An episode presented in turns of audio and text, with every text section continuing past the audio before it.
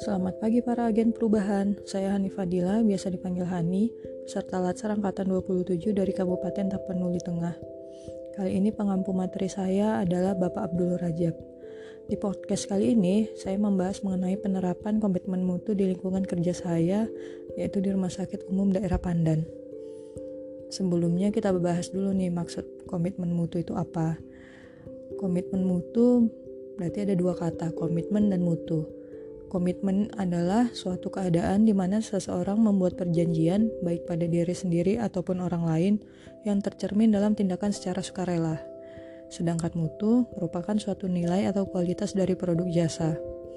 Nah, jadi bisa kita simpulkan bahwa komitmen mutu adalah janji pada diri kita sendiri atau pada orang lain yang tercermin dalam tindakan kita untuk menjaga mutu kinerja dari pegawai.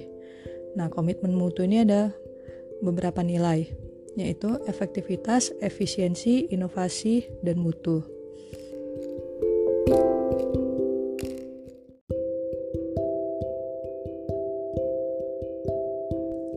Nah, contoh dari efektivitas adalah melakukan pelayanan di bidang medis dengan sepenuh hati dan saling bekerja sama dengan rekan kerja lainnya.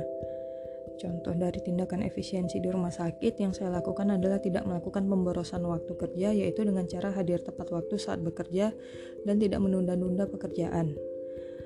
Nah, kita ambil contoh dari mutu, yaitu memberi arahan kepada perawat dengan cara yang baik dan jelas, sehingga terciptanya tim kerja yang solid dan nyaman. Dengan begini, maka akan terciptanya hasil kerja yang optimal.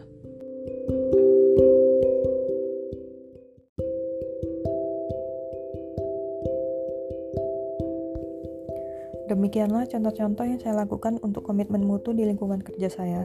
Semoga bermanfaat ya. Tetap jaga kesehatan dan patuhi protokol kesehatan 5M.